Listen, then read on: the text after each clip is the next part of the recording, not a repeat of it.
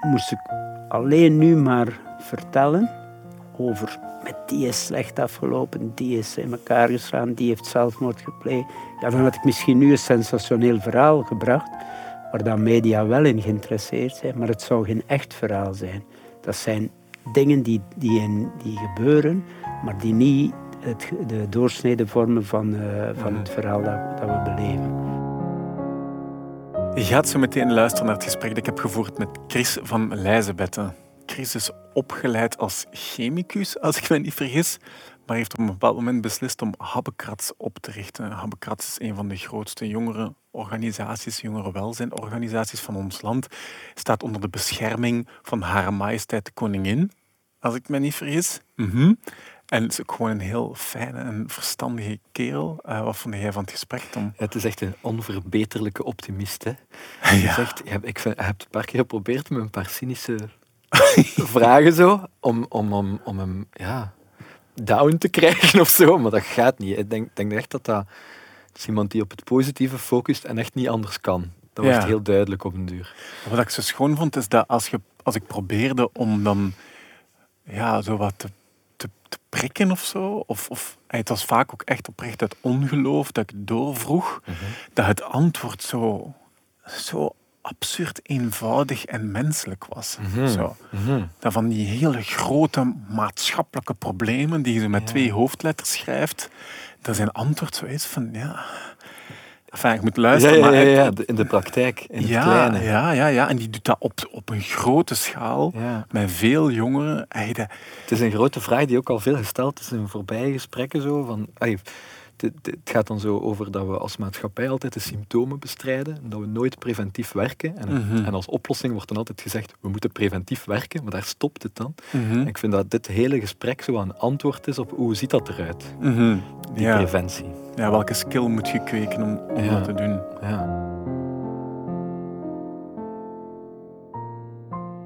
Ik las het eerste miljoen frank, denk ik. Miljoen frank, ja. Ja, dat je gekregen hebt. Dat was echt voor drie projecten, nee, daar, daar hebben we drie projecten mee gedaan, waar dat de, steden echt vroegen van, we zitten hier met jonge gasten die brommers pieken, ze leegrijden en ze dan in de Schelde dumpen, kunnen dat hier komen oplossen. Zo. Dus de overheden maakten zelf de, klik naar, naar probleemjongeren.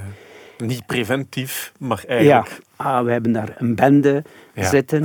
En, uh, ja, ook meteen. De bende van daar, de bende van daar. En in Gent zijn we in Ledenberg, dan, was ja, ja, Hamme, Wetteren, Ledenberg. Dus dat ging telkens over een bende. Uh, maar ik dacht van... Ja, ik moet daardoor. Ik had, ik had ook dat diploma. Ik, had, ik kon niet zeggen, ja, ik ben de ervaringsdeskundige, want dat was ik niet. Ik was, ja, dus ik was, ik was ook niet academisch geschoold om te zeggen van, ja, ik ken wel preventieve technieken of ik ken formules of, of wat weet ik allemaal. Maar het heeft wel gewerkt. En door... Waarom, waarom heeft dat gewerkt? En hoe heb je dat dan... Want je het, het was een in kracht. preventieve context. Je zit in... Omdat ik dat toch gedaan heb. Dus ik heb... Uh, dus ondanks dat het eigenlijk een curatieve context was, mhm. heb ik dat toch opengetrokken, behalve te focussen op de groep en hun moeilijkheden, heb ik mhm. altijd gefocust op een ruimere omgeving en de mogelijkheden. Maar, maar kun je mij dat concreet maken? Want ik vind dat zo'n grote je hebt een miljoen Belgische frank. Dat wat niet zoveel is eigenlijk. Dat is niet zoveel, maar... En dan heb je drie steden waar dat er drie keer een bende is, om, het, om een woord maar te gebruiken, van toch redelijk wat mensen. Jij zijt daar met een idee. Maar dat meer dan dat is het ook. Dat is niet meer dan een idee. Ja. En dan en wat, wat, je werft mensen aan, je gaat nee, nee, zelf... Daar, daar, had ik geen geld voor, voor mensen aan te werven. Bij een miljoen ja, kon ik amper... Ja, ik moest ook zorgen dat, we, dat, alles gedaan was voor dat miljoen. Dus ten eerste moest ik dat geld vermeerderen. Ik moest de mogelijkheden vermeerderen. Dus ik ging maar met, met mijn opdracht van de minister naar de gemeentebesturen. En ik zei, naar waarheid, ik heb een opdracht van de minister van Welzijn om ervoor te zorgen dat er 350 jongeren niet in moeilijkheden zouden belanden. Ah, gaat dus ja. 300, een miljoen en 350 ja, Dat was ook de voorwaarde van minister Lensen. Dus het was, het was geen, uh, geen grote cadeau. Er stond tegenover, Chris, je moet aantoonbaar 350 jongeren helpen die daardoor niet in een moeilijke situatie. Dus in, uh, in feite in een instelling of in een gevangenis zouden belanden. Maar in die tijd was het al meer dan een miljoen frank om één jongere in een instelling te houden. Dus, dat, dat dus gaat een rendement van maal van, ja. van 300, een veelvoud van 300. Dat was de bedoeling van de minister. Ik dacht waarschijnlijk... Ja, 350 miljoen besparen voor die een miljoen. Die kerel die gaat dat die rap, rap beu zijn, maar, maar ik ga van zeggen, dag, maar zeggen zaag vanaf. Ja, Wie weet lukt het hem met twee en dan heb ik nog een miljoen gespaard. Dus ik ben dat toch gaan doen. Dus mhm. ik heb naar die gemeentebesturen gezegd van ik heb de opdracht van de minister. Als we dat nu samen invullen, die opdracht, want jij hebt hier vast zo'n jongeren, dan... Winnen we allemaal. Ja, en dan mhm. moet de gemeente ook een deel betalen. En op die manier kon ik dat bedrag verveelvoudigen, ik zal het zo zeggen. Het was niet ineens 3 miljoen, maar het was wel meer. Dus ik, kon, ik, had, ik had meer armslag. En dan moest, uh, als die basis gelegd was, ja, dan, dan moest alles nog gebeuren. Ja, en, en dan ging, kwam het erop neer om naar die jongeren te stappen. Maar jij, met uw notto? Met mijn notto, ja, naar, te voet. Naar het pleintje dan? Ja, in het hol van de leeuwen. Maar het gekke is...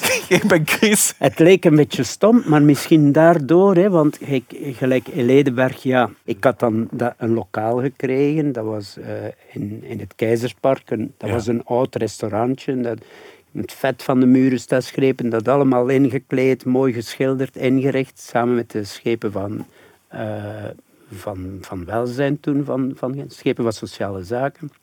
Die stond daar mee achter om de eerste dag die jongens te verwelkomen. En dan sta ik daar zo met papieren bekertjes en een fles cola en een fles limonade. En dan komt daar zo die bende binnen en...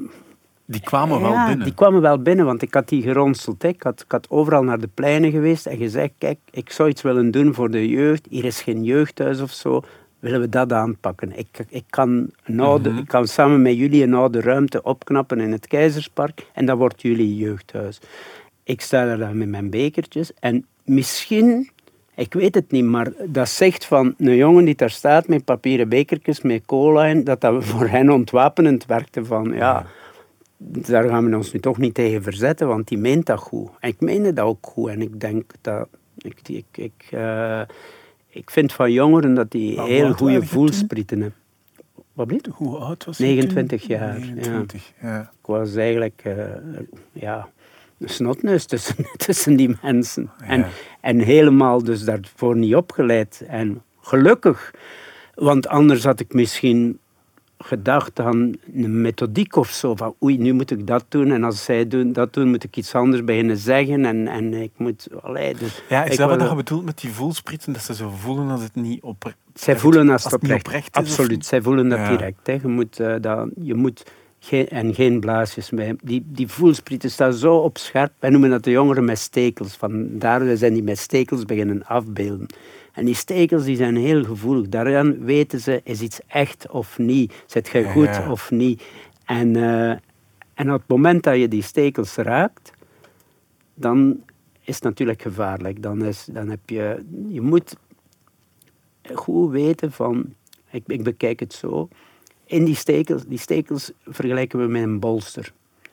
En daarin van binnen is het warm en, en, en gezellig, gelijk bolster van een kastanje. Je doet die open, daar zitten haartjes in, die noot zit daar goed beschermd. Ja. Daar moet je proberen in doordringen. Dus weg van de stekels en proberen met het binnenste van de, van de bolster te werken.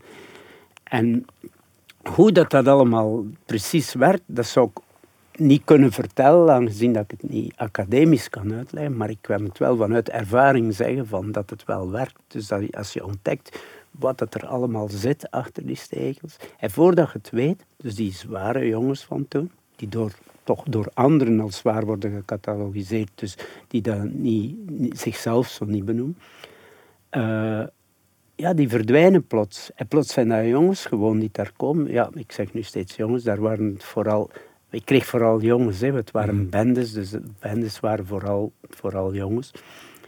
En uh, ja, dus voordat, ik het, voordat we het wisten, had je een goede band en bleven die komen. En hadden ze eindelijk iemand gevonden tegen wie dat, bij wie ze konden zijn wie ze waren.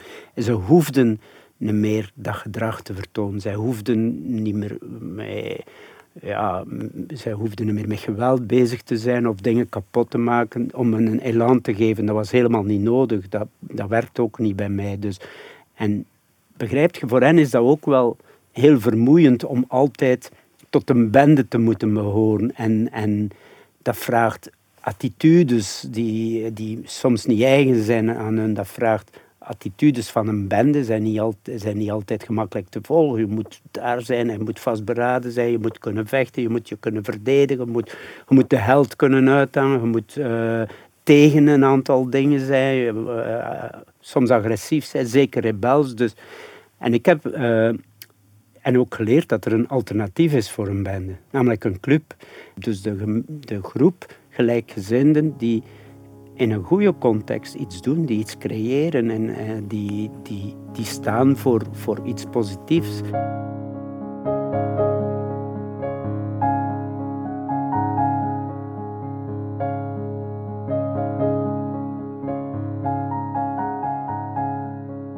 Dus er zijn op dit moment 17 locaties ja. waar we jongeren ontmoeten, waarvan vier in Gent. Uh, en sedert vorig jaar hebben we een Zuidpool en een Noordpool. Mm -hmm. En de Zuidpool is de werking die zich ontwikkelt meestal buiten aan, aan Gent-Zuid. Mm -hmm. Dus voor de jongeren die zich daar in het Zuidpark begeven en die bijvoorbeeld wel graag bij die skaters zouden doen, wel urban dingen zouden doen, maar daar de mogelijkheden en de middelen niet voor hebben. Mm -hmm. uh, en dat wordt gedaan door twee is wel interessant dat je babbelt, hè? Want ik volg dat bijvoorbeeld en zo wat nieuwsberichten over Gent-Zuid. En, en, als je die nieuwsberichten leest, dan de, de laatste nieuwsberichten waren, denk ik, skatertjes die, die mm -hmm meppen hadden gekregen of zo, of een skateboard. Ja. En, en hoe dat jij het verwoordt, dat je spreekt over jonge gasten die bij de skaters hangen, ja. maar niet de middelen hebben om ja. mee... Dus zij, zij zijn op dat moment worden ze geconfronteerd met, oh, die skaters die hebben allemaal, die hebben fancy kleren en weer al nieuwe sneakers. En wij hangen daar rond en wij hebben dat niet. We hebben geen skateboard en al. Dus met onze werking, Gent, uh, de Zuidpool noemen we dat dan, proberen we die met elkaar te brengen. Dus, en gaan die samen voor elkaar zorgen. En dat urban gebeuren, dat is eigenlijk dan een beetje het decor waarbinnen alles gebeurt. Ja. De Noordpool voor ons, dat is uh, een werking aan de nieuwe dokken, dus vroeger de oude dokken. Dus uh, eigenlijk is dat een, een mooi project van stadskernvernieuwing. Die heeft eigenlijk, vind ik, weinig resultaat gehad voor de arme mensen die daar al woonden. Ja. Met name bijvoorbeeld de mensen die in die blokken wonen aan de Afrikalaan. Ja. Dat zijn, die behoren tot de armste mensen van Gent. Ja, en die blijven uitgesloten van heel dat, ver, dat vernieuwingstraject. In plaats van dat ze nu een mooi zicht hebben op de stad, kijken ze op poepchique appartementen op die ze niet kunnen betalen. Ja. Dus het is hetzelfde fenomeen als aan de zee. Hè. Iedereen ja. koopt een appartement aan de zee, koopt eigenlijk een stukje zicht op zee, ja. is helemaal niet geïnteresseerd in de mensen die daar wonen, mensen van Oostende. Als, je, als, je, als ik een appartement koop in Oostende, interesseren de, Oostende, de Oostendenaars me niet, want ik heb dat stukje zee gekocht. Hmm. En al die appartementen die tonen allemaal hun achterste naar de mensen. Letterlijk, ja. daar staan de vuilbakken van ja. achter. Dus die mensen uit die appartementen, die blokken daar, kunnen geen gebruik maken van de vernieuwing die rijden daar niet rond met bakfietsen, met, met hun ja. twee kinderen in. Uh, die, die, gaan niet, die gaan daar niet, niet leuk uh, fietsen of, of rollerbladen en dan ja. uh, koffie on the go gaan nemen. Helemaal, helemaal niet. Ja. Dus die zijn een beetje vergeten. Dat het fenomeen noemt gentrificatie, noemt dat. Men, men schuift die wat achteruit. Dus ik heb me daar een beetje opgesmeed en eigenlijk mee aan de lijf ondervonden hoe dat is om uitgesloten te worden. Want ik wou eigenlijk een appartement daar gaan huren. Op het gelijkvloers. Je had er mooie gelijkvloersen. Uh -huh. Met die boten daarvoor aan de kades. En ik dacht, als we dat een beetje inrichten... En in een van die chique blokken ja, appartementen. Ja, ja. Beneden dan. Hè. Ja. Maar het is onmogelijk. Dus ik ben overal weggejaagd. Van als ik zei van, het is voor kinderen. Oh nee, dat willen we niet. Overal opnieuw. En uh, ik raakte daar een klein beetje van gefrustreerd, zal ik zo zeggen. Omdat omdat ik dacht van, ja, na zoveel jaar zou je toch al eens moeten weten dat die kinderen, dat je in die kinderen een buurt bij komen wonen. Jij bent hier komen wonen. Zij waren daar eerst, dus je moet er rekening mee houden. Ten tweede, ook die kinderen blijven geen kinderen, dat worden volwassenen, waar dat je ook mee samen moet, moet leven binnenkort. Hm? En ten derde is, ja, je ontgaat uh, aan het feit dat, uh, dat je in een buurt sowieso met iedereen moet, moet samen kunnen leven. Dus dat, dat het belangrijk is dat jij daar niet de rijke mens komt uithangen met je terras, maar dat je iedereen meepakt in dat mhm. weefsel. ook, een, ook als stad is dat, is dat superbelangrijk. Dus ik ben me daar verder op blijven focussen. Hoe kunnen we nu in het zicht van iedereen, want dat vind ik belangrijk, niet in een donker kot, maar in het zicht van iedereen. in Oostende heb je op de Dijkenlocatie, in Brussel heb je boven ja. een chocolatier ergens ja, Ja, maar dat, wordt nu ook een nieuwe, dus dat... ja, dus maar het is je zoekt de, de hotspots. De hotspots, hè. Ja.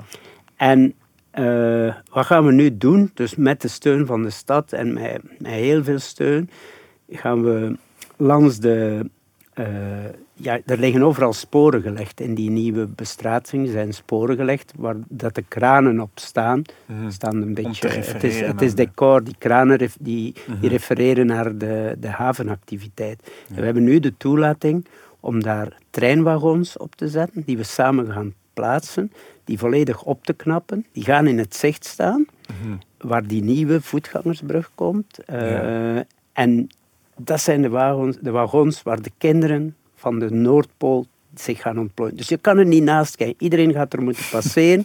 wij gaan ermee rondrijden, wij gaan ermee spelen, wij gaan ermee varen. En natuurlijk mogen de kinderen uit de, uit de bakfietsen ook meedoen. Louise en Marie zullen blij zijn. Ja, die gaan blij zijn. Maar ja, met alle respect voor die mensen. Wij moeten ook niet allemaal in de put gaan zitten. Maar wij moeten wel zorgen dat die, uh, dat die anderen daar, daar, daarmee uitkomen.